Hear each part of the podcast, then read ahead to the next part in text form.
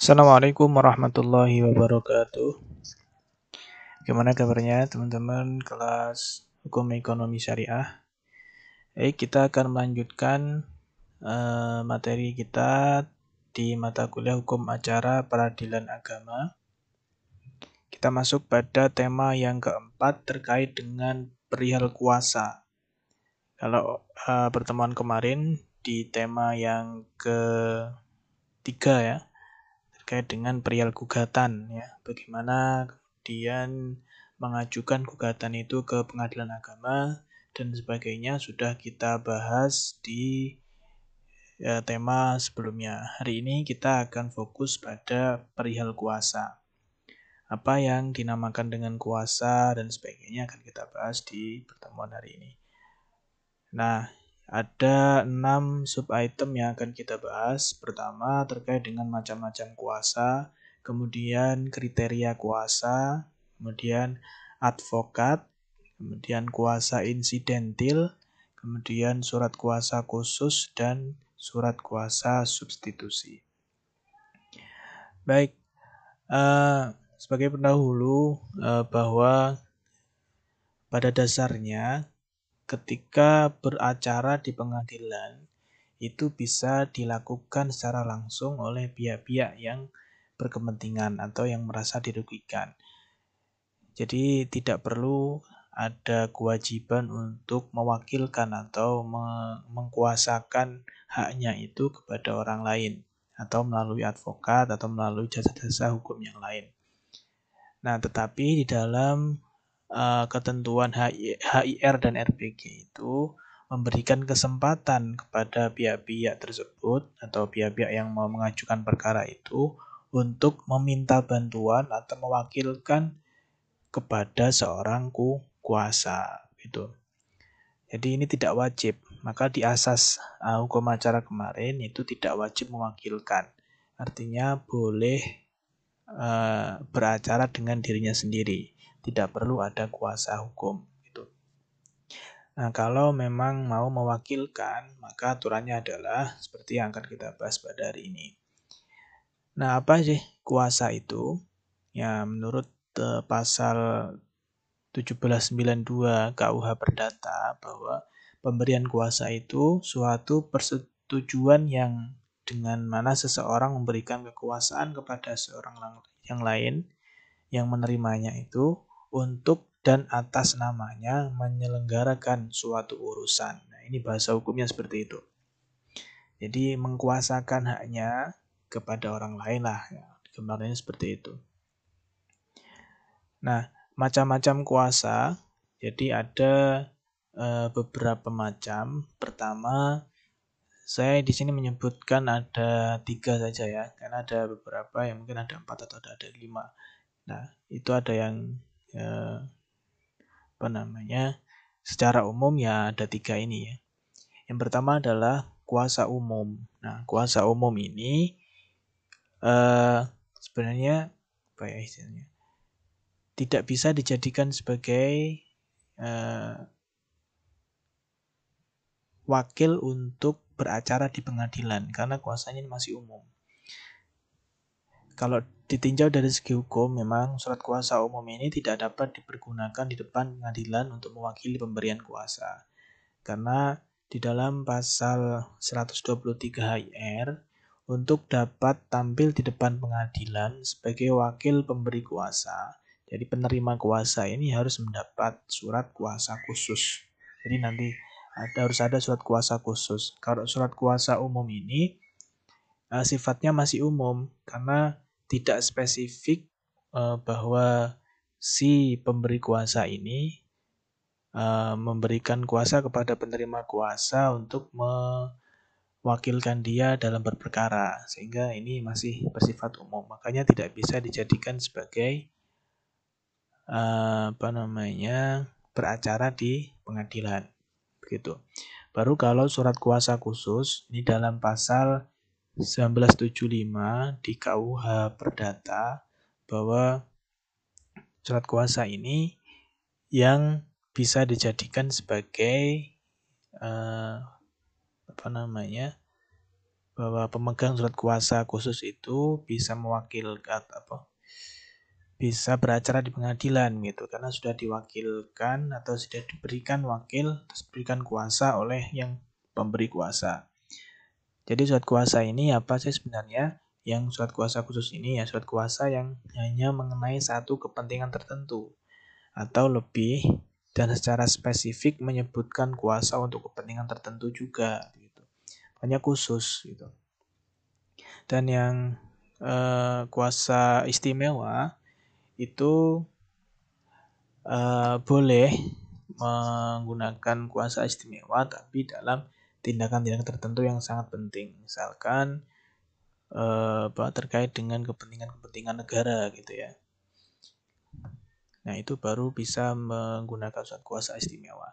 Nah yang biasa digunakan untuk beracara di pengadilan itu ya surat kuasa khusus gitu. Ada redaksi di di dalam surat kuasa itu yang mengatakan bahwa surat kuasanya kuasa khusus gitu. Kemudian eh, kriteria kuasa ya yang pasti dalam eh, kuasa itu ada pemberi kuasa, ada penerima kuasa. Pemberi kuasa itu ya bisa siapa saja yang memberikan kuasa. Nah, penerima kuasa di sini eh, ada tiga yang diperbolehkan ketika ini kuasanya mau beracara ya. Ini konteksnya kan konteks konteks e, beracara di pengadilan ya. Yang pertama ya advokat, kemudian pengacara praktek, kemudian penasihat hukum yang insidentil. Nah, tiga inilah yang bisa beracara di pengadilan, baik di pengadilan agama maupun di pengadilan negeri. Nah, apa akibat hukum dari pemberian kuasa ini ketika seorang pemberi kuasa sudah memberikan kuasanya ke penerima kuasa? Maka terjadi yang pertama adalah pelimpahan kekuasaan. Jadi pemberi kuasa itu melimpahkan perwakilan kepada penerima kuasa untuk mengurus kepentingannya sesuai dengan fungsi dan kewenangan yang ditentukan dalam surat kuasa. Makanya dalam membuat surat kuasa itu harus jelas apa kepentingannya, apa fungsinya, apa saja yang dikuasakan. Jadi harus jelas sehingga ketika nanti di pengadilan itu jelas posisi uh, dia sebagai penerima kuasa itu apa untuk apa gitu. Dan yang kedua uh, penerima kuasa itu berkuasa penuh. Artinya uh, si penerima kuasa baik yang advokat, baik yang pengacara praktek, baik yang penasihat hukum insidentil itu itu boleh uh, bertindak mewakili pemberi kuasa terhadap pihak ketiga untuk dan atas nama pemberi kuasa. Jadi ya apa istilahnya yang menjadi uh, hak-hak dari pemberi kuasa itu ya melekat di dalam seorang penerima kuasa itu atau seorang advokat atau seorang pengacara itu. Kemudian e, bertanggung jawab penuh. Jadi pemberi kuasa e, itu juga bertanggung jawab atas segala perbuatan kuasa sepanjang perbuatan yang dilakukan e, kuasa tidak melebihi wewenang yang diberikan oleh pemberi kuasa. Jadi ketika seorang pemberi kuasa itu sudah memberikan kuasanya ke penerima kuasa, maka segala perbuatannya itu juga menjadi tanggung jawab bersama gitu. Nah, apa nanti yang uh, ada dalam surat kuasa dan sebagainya akan kita bahas selanjutnya. Nah, kalau tadi penerima kuasa kan ada advokat, ada pengacara praktek, ada penasihat hukum insidentil gitu ya. Nah, advokat ini apa sih sebenarnya advokat ini? Ini sebuah profesi ya penegak hukum yang uh, juga setara di dalam penegakan hukum di Indonesia. Di advokat itu merupakan seorang pengacara atau ahli hukum yang berwenang untuk bertindak sebagai penasihat atau pembela perkara dalam pengadilan. Atau dalam hal ini ya dia mewakili si bisa jadi mewakili penggugat, bisa jadi mewakili tergugat, atau juga bisa apa istilahnya mewakili pemohon bisa juga gitu. Kan sudah diberikan kuasa tadi. Jadi kuasa yang yang diberikan oleh pemberi kuasa tadi itu melekat di advokat dan menjadi bagian dari pemberi kuasa juga gitu. Kemudian apa fungsi dan perannya advokat? Tentu advokat ini juga sebagai penegak hukum ya. Yang mempunyai kedudukan setara dengan penegak hukum lainnya dalam menegakkan hukum dan keadilan. Jadi biasanya orang uh, salah kaprah memahami bahwa advokat itu membela membela tersangka ya kan gitu kan. Udah salah kok dibela.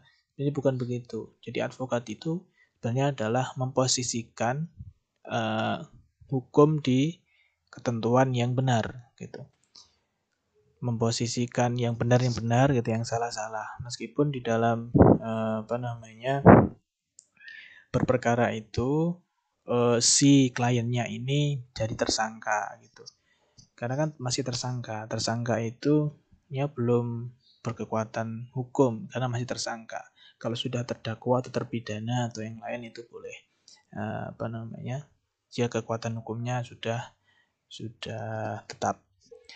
Nah, kita kembali ke sini. Kalau kita masuk pada pengadilan agama misalkan, maka uh, fungsi dan perannya advokat ini hanya sebatas sebagai pemegang surat kuasa dari dari si pemohon ataupun si tergugat atau penggugat gitu ya.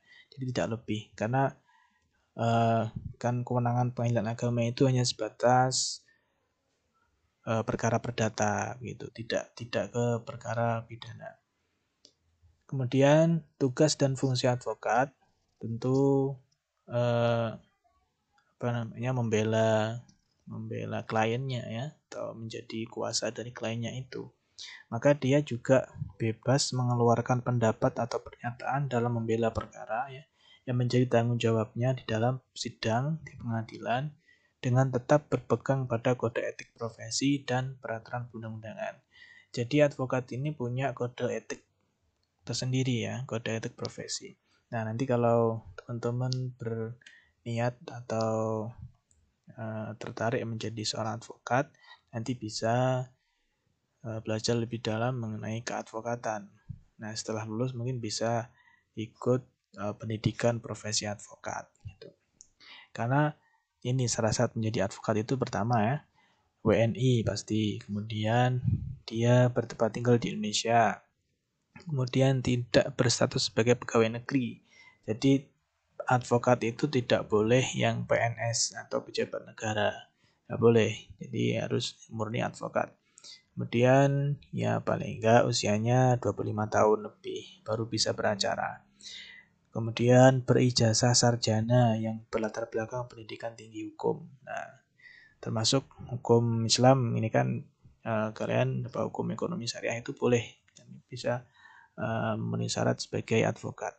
Dan yang terakhir pasti harus mengikuti pendidikan khusus profesi advokat yang dilaksanakan oleh organisasi advokat. Ya, ada banyak sekali organisasi advokat yang menyelenggarakan pendidikan profesi advokat. Gitu. Ini kalau kalian nanti mau menjadi uh, seorang advokat atau pengacara. Lanjut, kita masuk pada kuasa insidentil. Nah, tadi kan ada tiga uh, apa namanya klasifikasi ya yang boleh menerima kuasa ya advokat, kemudian pengacara praktek, kemudian penasihat hukum insidentil. Ya, ini kuasa insidentil maksudnya. Pengacara praktek ini biasanya lebih kepada apa istilahnya? Ke kasus-kasus yang yang menyangkut kepentingan negara ya hanya pengacara praktek ini. Nah, kalau penasihat hukumnya insidentil, nah ini kan kita bahas kuasa insidentil. Apa sih sebenarnya kuasa insidentil itu? Jadi kuasa insidentil itu pemberian kuasa kepada penerima kuasa yang masih kerabat atau masih dalam hubungan nasab dan juga semenda atau karena pernikahan itu boleh. Ya, ini kuasa insidentil ya. Jadi uh, dia juga bisa mewakili beracara di pengadilan.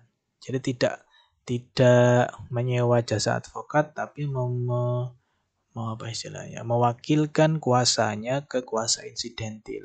Apa syarat-syaratnya? Jadi syarat sahnya ketika seseorang beracara dengan menggunakan kuasa insidentil pertama bahwa penerima kuasa ini tidak berprofesi sebagai advokat.